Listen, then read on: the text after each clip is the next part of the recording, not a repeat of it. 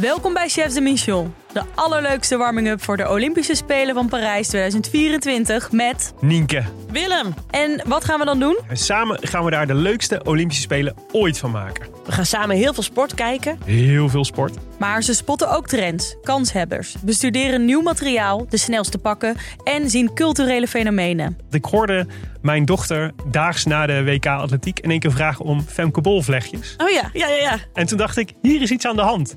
En we gaan je allemaal nieuwe dingen leren over alle onderdelen op die de Olympische Spelen. Het veld is 9 meter breed en die kunnen ze in 9 vakjes opdelen. En het eerste cijfer wat je roept is de locatie in het net. En het tweede cijfer wat erachter zit, dat is zeg maar de hoogte. Dit is gewoon schaken, Ja. maar dan op de, op de milliseconde. En de chefs de mission duiken in de geschiedenis, zodat je het heden beter begrijpt. Het is echt een verhaal, Willem. Ik heb zoveel rare anekdotes voor je. Waarop ze de legendarische woorden spreekt. Ken je ze nog? Liefie, wat zei ze nou? Ha liefie, heb je het gezien? Ik zat te poepen. Ja, sorry, ik was even de hond aan het uitlaten.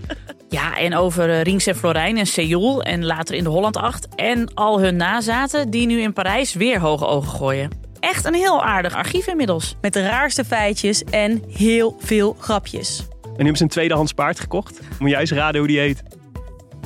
Fredje. Vindt het. Echt de perfecte naam van een tweedehands paard, toch? Luister naar Chefs de Mission, dan worden de Spelen van Parijs de leukste ooit.